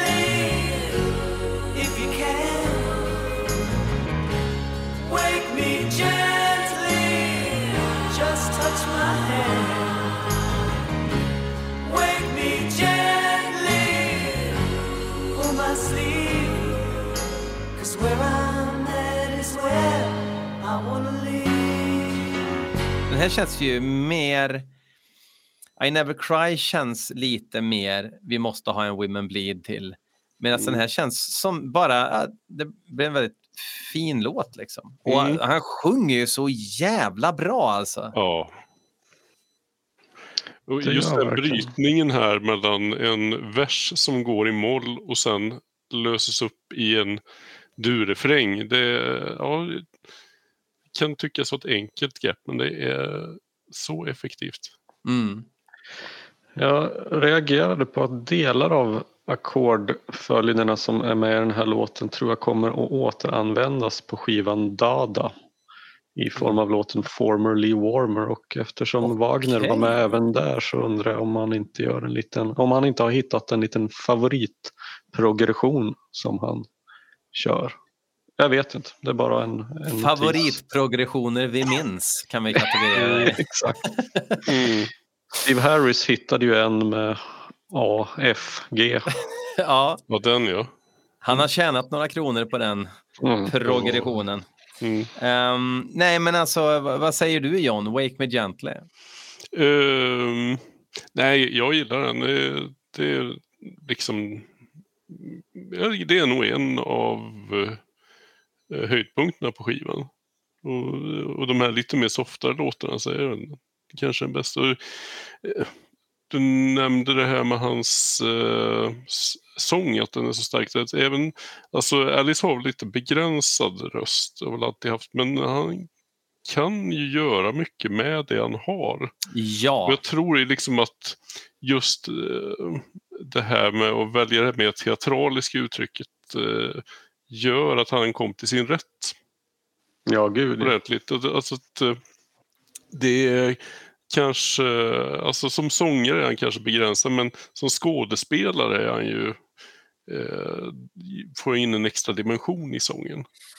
det, det är Jo, ju men någonting det- som vi inte har sagt förut tidigare i podden faktiskt. Men, men det är ju för att vi, eftersom vi börjar i, i, i rockträsket rakt igenom så har liksom inte funnits anledning att prata om hans rent eh, men han, har ju en, han, han är ju ingen sångare med Mm. rent ett, ett, ett, ett, eh, vad ska man säga, tonalt omfång egentligen.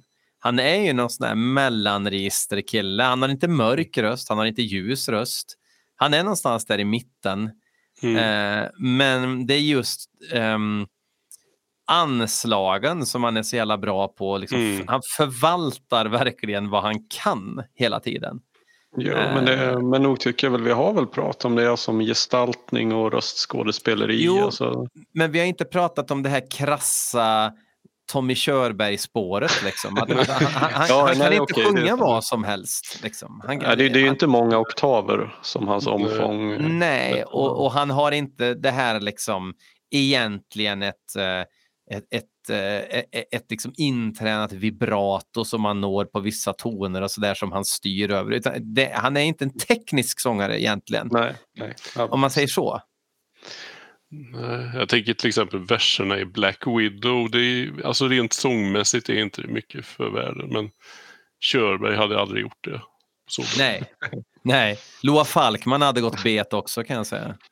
Ja, Eh, Ja, Men det, om jag, jag vet inte, du får klippa bort det här eh, om det blir för, för långt och så hamnar för utanför. Men jag, jag tänkte just på det här med tänkte tidigare idag på detta med sångare, teknik och eh, känsla eller vad man ska kalla det, eller skådespel.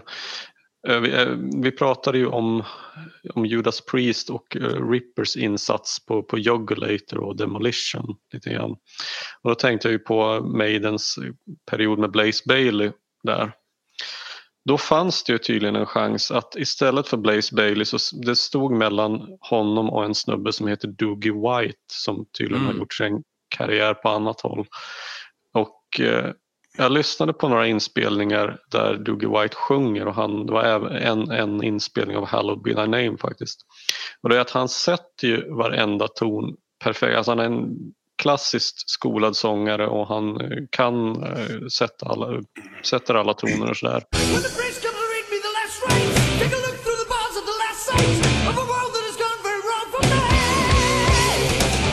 Men jag tänker att även om så, och det gjorde ju verkligen inte Blaze Bailey ska sägas för han Nej.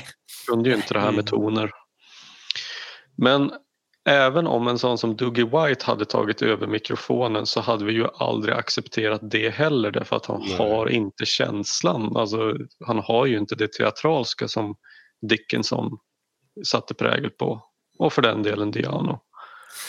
Man kan, menar, ta, man kan ta det här spåret vidare som till exempel om man ska gå ännu längre ut i, i de eh, mörka men grunda vattnen och prata trummisar och Cannibal Corpse av alla band i världen så är eh, Paul, trummis i Cannibal Corpse, är inte snabbast.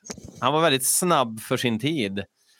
Men eh, jag, jag, jag har hört folk som eh, har träffat bandet mycket och så där som säger att nej men eh, nej, det är så tråkigt, han är så begränsad och grejer. Men det är ju också begränsningar som skapar ett uttryck och ett band liksom. Att begränsningar finns gör ju att ett band får en prägel. Och det är ju kanske det som är grejen med Alice Cooper också. Han kunde inte göra vad, eller kan inte göra vad som helst. Och därför så får han finna sig i det han kan och då kan han göra magi. Och, men eh, hade, ja. hade Paul Rudd varit bättre med dubbla kaggar? Nej, Mm. men kan, kan, någon, kan- en dubbelkaggatrummis göra sig rättvisa i ACDC? Absolut inte. Nej, det, Nej. Det, det är det jag menar. Att det, Ja. Precis, det är de här ibland väldigt strikta ramarna Mm. som... Ja, men du, du får jobba med det du har och då får Mm. du fan med göra det bra också. Det är Mm. som att gå in i en, en dyr studio och ha alla möjligheter i världen. Eventuellt kommer resultatet inte låta bättre för att du har fumlat bort dig i alla val. Liksom. Mm. Ehm, be- begränsningar och band som lägger ner är det bästa som finns. Ehm, Ehm, ja, det lär ju faktiskt varit Igor Stravinsky som sa att i begränsningarna finns friheten. Och ja, it's, vår offer. it's where from the cracks the light comes in, eller vad var det Cohen sa? Ja, just det. Mm. Tänker, Lou, Reed sa väl också här att one chord is fine, two is pushing it and three you're into jazz. Och så avslutar vi med frukten naturens godis och så går vi vidare i låtordningen. Ehm, Wish you were here. Ja, bongos och disco i en ohelig kombination. Mm. Mm. Och världens fetaste gongongslag jag tror jag hört på skiva. I inledningen. Ja men ä- ärligt talat. Fan, det kanske det är. Eh, Jag, jag kan, jag kan, alltså, av någon konstig anledning, den här skivan är ju det jag har lyssnat mest på i veckan, men jag, jag kommer inte ihåg gångomslaget. Vi- Jag, jag spelar den nu. Ja. Ja, det var fett. Mm. Eh, jag tror också det accentueras lite av en sån här wah-wah-gitarr. Båda slagen. Eh, som ligger på någon sån här lite atonal eh, läge och så hör man så här, om det är phaser eller wah-wah. Jag vet inte. Men eh, det är, eh, låter riktigt diaboliskt i mina öron. Det är mycket såna här detaljer just med gitarrerna på den här skivan faktiskt Mm. också, där man inte riktigt kan säga vad är det för sorts pedal som används här. Eh, som man inte Mm. blir riktigt klok på. Är det, nej, det är inte en wah men det, det är fan inte en phaser heller. Det är eh, någon trollbrygd av pedaler liksom. Nu pratar ni en massa tekniskt mumbo jumbo som vi som konsumenter inte kan förstå. Nej. Nej, jag förstår. Jag förstår. Eh, Vi får prata lite bonnigare här nu om... Ja. eh, Ja, det är gitarrer på skivan i alla fall. ja, Eh, Men det är väl att vibben från titelspåret tycker jag plockas upp lite på nytt Mm. här. Mm. Och jag menar Alice vrålar ju lite grann mer här på den här också. mm. En kul refräng tycker jag, eller vad man ska kalla det. Och liksom, Ja. Vad fan katten, det svänger ju. mm. Det svänger sjukt mycket igen. Ja, du, du gillar de dansanta låtarna, John. Ja, det... eh, ja, jag får erkänna det. Du får börja med skuggbugg, heter det, när man buggar utan partner. Får du göra Jaha, de här låtarna. Jag sitter nog i soffan och dricker öl när du skuggbuggar. För att jag, jag, det här är jag går inte riktigt igång på det här. Jag, jag tycker Okej. ändå, ändå att det finns ett, ett lite ruffigare anslag i den här låten än vad det gör i You Gotta Dance. Så att jag gillar den här mer.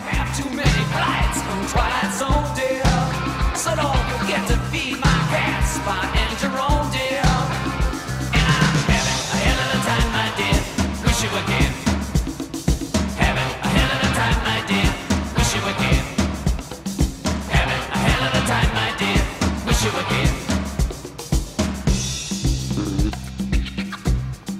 Men det, jag är så jävla oimponerad av när det svänger med samba och grejer. Alltså det, är- det är inte min grej alltså. Det är, en, det är en utdraget slut på den här låten med en Mm. ganska märklig vändning i dess sista minut. Och det Mm. eh, återigen att jag undrar om det var tänkt till någon sån här grej på scen som vi skivlyssnare aldrig fick ta del av. Mm. Det blir ju hårdrock där. Ja, precis. Eh, och där tycker jag att vi ska jämföra eh, gitarrslingan som kommer in ur 3.30 med den som eh, körs i låten Detroit Rock City vid tre minuter. Mm. Det finns eh, eh, uppenbara likheter. Du, du, du, du, du, Nej. du, du, du. Nej, inte den.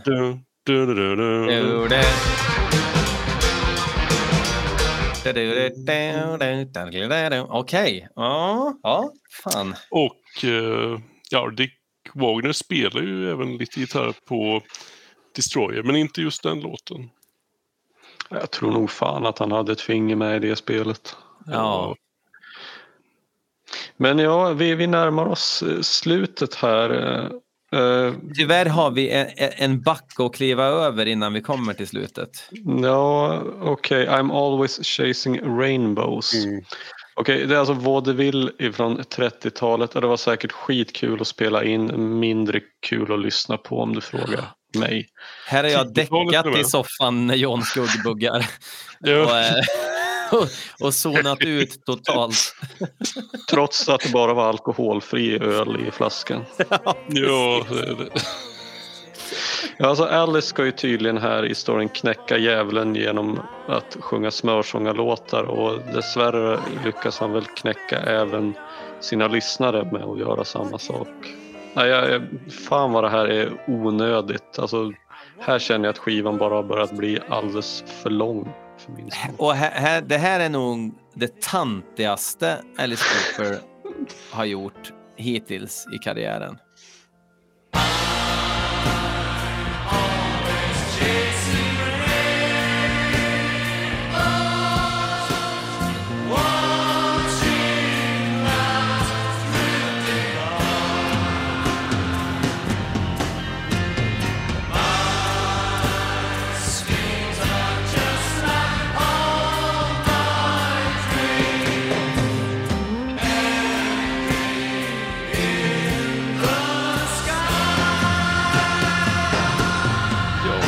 Vet inte, det här känns ju som att han vill eh, hylla någon slags, eh, jag vet inte, den tradition han eh, känner sig tillhöra eller vad det är. Ja, men lite sådär att eh, ge respekt åt någon gammal evergreen som har betytt något för honom. Jag vet inte, ja, i storyn så så är det väl, ja,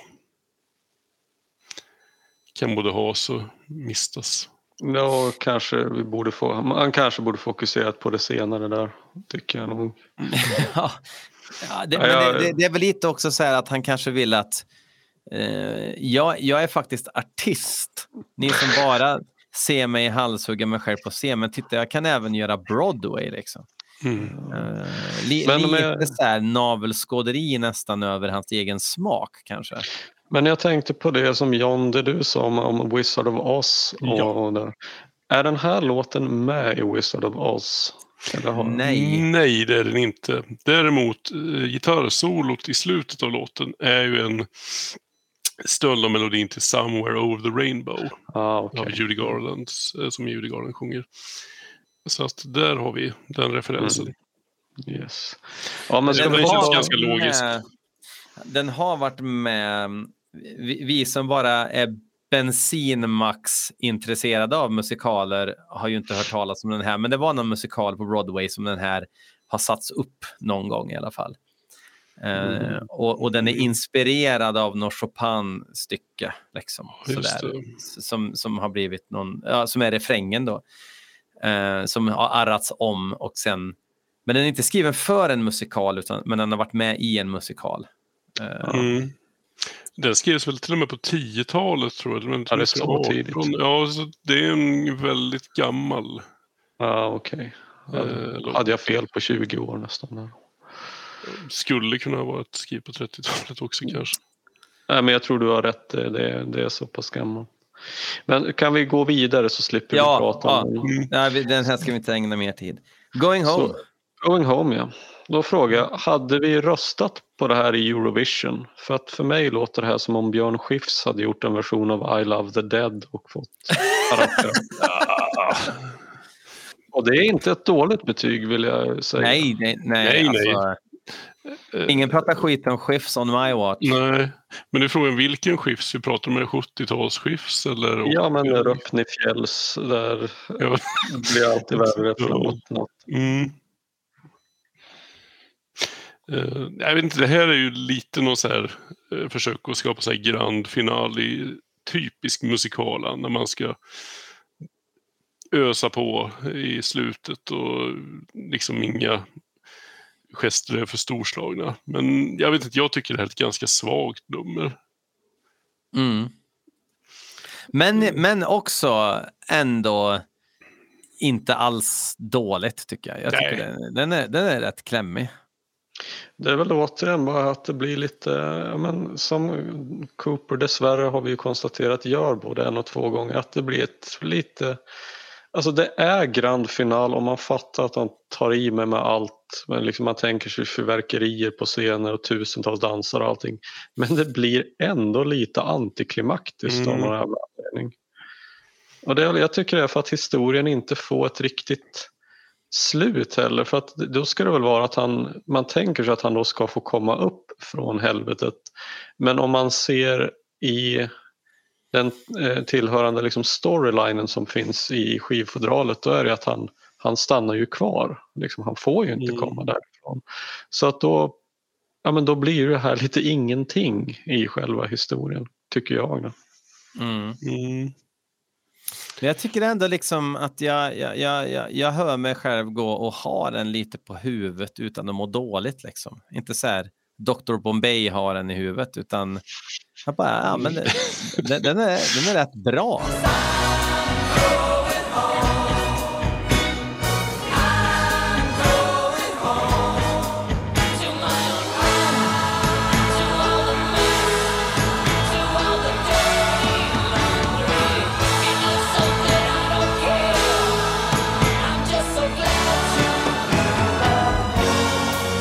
Sådär. Men det är kanske för att jag har lyssnat lite för mycket på den här Mm. skivan den här veckan. Men det är ju catchy och det, det är ju också så här musikal, alltså det är ju ett musikalknep. Alltså om man, kan man skriva, för att skriva bra musikaler så måste du kunna ha catchy hooks Mm. och, det, liksom. och det, det har den. Så. Mm. Eh, Jag tänker att eh, alltså, jag hade kanske hellre velat ha ett, ett sånt här slut som till exempel Sunrise eller Escape. Just det här lite sista rycket innan vi passerar mållinjen. Mm. Ja, det är, li, det är li- lite för, eh, vad ska man säga, lite för, lite för lågmält Mm. för att avsluta skivan. Jag tycker det känns lite som, ja, men en, tänk en, en en Marvel-film med liksom en helvetes massa explosioner och CGI Mm. i slutet. Men eh, det är liksom inga riktiga stakes eh, ändå så att man känner ingenting när man ser det ändå. Nej. Det är en massa effekter men ganska lite substans till sist. Mm. Mm. Eller jag vet inte om jag är för, för grinig kanske. Men... Ja, men, alltså det, det är ju liksom... Eh, det är ju inte så mycket musikalisk information heller. Det finns ju vissa låtar på den här skivan som händer ganska mycket. Här är det väl, det är ju ett tema som går om och om igen. I Mm. princip. Utan någon progression. Så vi, Ja, men det stämmer. Så är det. Ja. Det kan man ju nästan säga om My Love the Dead också, fast utan att det ligger den i fatet. Ja, men det är, en, det är väl ändå en text som sticker ut. Jo, jo, jo det kan jag säga, men, men som låt så är den, den bär ju inte bara av texten. Det är ju en skitbra låt också. Texten är viktig. I och för Ja. sig. Det, det kan man lugnt säga, nu när jag tänker ett varv. Och, det, men, och där har du ju en progression alltså med en lugn vers och liksom hotfull som bygger upp och sen en kalasrefräng som liksom byggs upp med fler och fler stämmor med trumpeter och grejer så att det, liksom, det når ju ett klimax. Ja. som Och toakörer och grejer. Ja, precis. mm. Ja, men det är, Men- helt, det är helt sant. Men hörni, då, alltså, vi har ju redan hållit på nu i snart en och en halv timme här. Mm. Mm. Så jag tror att det är dags för, för slutord och betygssättning här i Coopers klass. Vem är först ut? Dags för examen. Faktiskt. Ehm, ja. 1 till 5 har vi. Vi kör den Eh, skalan. Ja, och det är väl lika bra att vi säger att man får väl ta 0,5 betyg också. Alltså, herregud. Det, Mm, ja. det blir ju så ändå. Så att vi, Och vi, vi, återigen, vi går ju på Alice Cooper-skalan. Mm. Och det är en helt egen skala. Man jämför ju Cooper-skivorna med Cooper-skivorna. Vi, vi kan ju liksom inte slänga in Gilby Clarks soloskiva på samma. Alltså, eller Sinny San. Alltså, ni har ju snackat om både, nu Gilby Clarks solplatta, var det inte Glenn Tiptons soloskiva som kom i något år? Jag visste inte ens att den fanns. Nej, det är det- är en, en jävligt fräsch cover av Paint It Black på den som vi kan få njuta Ja, av nu. Ja. okej. ja. Mm. Det låter ju Ja. oerhört lockande. Mm. Eh, nej, men ska jag vara först ut så eh, får ni kanske något att göra. Jag tycker en, jag brukar pendla eh, kanske mellan 3,5 och 4. Eh, och vad gäller favoriter med Alice Cooper, band och eh, soloartist så mm, det är väl Billion Dollar Babies och Welcome to my nightmare som jag skulle sätta liksom över. Sen är det väl no, ja, Love it to death och Killer. Mm, sen jag, så vet inte, jag tror att den här är lite eh, kanske att nosa på femte plats. Jag tycker om den här skivan. Trots att den, den har lite eh, vad ska man säga, svaga stunder också. Så att eh, någonstans med, men jag- bara för att eh, det kan vara kul att vara lite eh, vad ska man säga, positiv och glad så kan jag väl sätta en fyra Ja, ja, Mm. I dessa tider. Så. ja, det tycker jag hedervärt initiativ. Mm, absolut. Björn, du får vara näst, näst på tur tycker jag. Ja, alltså för mig är, är alltså... Jag är så otroligt positivt överraskad hur mycket jag gillar den här skivan. Alltså. Och... ehm, nej, men alltså jag, jag, jag, jag ehm, vill ändå... Och, och jag hör själv hur galet det låter. Men jag vill ändå säga att för mig är den här typ jämbördig med Welcome to my nightmare. Så pass alltså. Ja. Okej. ja, alltså för att när det här är som bäst så tycker jag att det här är, alltså det, just det här också, vi pratar om hur det känns som ett band som försöker låta som bandet Alice Cooper ibland, så tycker jag det är mindre av det här. Det här är mer eget. Det är mer driva ifrån och skapa en ny identitet. Eh, och trots eh, all skuggbugg och disco så, så, så är det fyra för mig det här. Oj, oj, oj. Fan, ja, dramaturgiskt och så, fan undrar om du kan klippa det här då för att John var positiv och du var positiv och då vill ju inte jag sluta liksom på en, på en mer eh, surare endnote så att säga. Så om du kanske kan kasta om din, spin. Kastas Analys. inte om. Precis som Alice Coopers diskografi så, så är dramaturgin eh, tveksam även i Coopers klass. Ja, ja okej. Ja, nej men alltså det, så, först och främst så är det här är en skiva jag vill tycka om innerligt mycket mer än vad jag faktiskt gör märker jag. För jag tycker det är ett, det är ett, sånt kul, det är ett kul koncept, en bra idé som jag tycker förblir lite oförverkligad. Det, det finns så mycket potential som hade kunnat förvaltas bättre här eller utvecklas bättre. Och eh, jag får nog säga att ju mer jag lyssnade på den desto, ja, så, desto sämre tyckte jag faktiskt att det var på helheten. För jag tycker den blir för långdragen. Eh, hade gärna kunnat kapas ett par låtar eller kanske till och med tre. Jag tycker det är för lite skräck och mörker trots vad skivan ska handla om och med ett sånt starkt inledningsspår. Och det är för mycket humor. Det blir en ofarlig skiva som skulle enligt mig ha varit jävligt mycket mörkare. Alltså mörk med, med en cynisk humor. Då hade jag tyckt om den på riktigt. Så jag vet inte, den... Eh, jag, jag ska inte kunna liksom dra ner den till en slags två av fem men den hamnar verkligen någonstans där i mellanregistret, alltså fem av tio. Kanske 5,5 eller någonting sånt där. Mm. Eh, jävligt tråkig inställning kan jag tycka. Men det är, Jag är lite positivt överraskad. Jag trodde att jag skulle eh, vara mest, eh, eller stå här som ensam och hylla den här skivan. Men, ja, Nej men absolut inte. Ja, men som sagt, alltså, och jag, jag, mycket möjligt att i och med att jag gillar Didn't We Meet så jävla mycket också, Mm. som du tycker var lite blaha i Hayden, så alltså det, det, om man inte gillar den så mycket som jag gillar den så förstår jag att A-sidan känns ju ganska tradig tror jag. Faktiskt med B-sidan som jag tycker blir lite väl långdragen. Att jag- tycker det, det håller ganska bra fram till och med I never cry. Men sen så blir det lite för mycket av samma sak.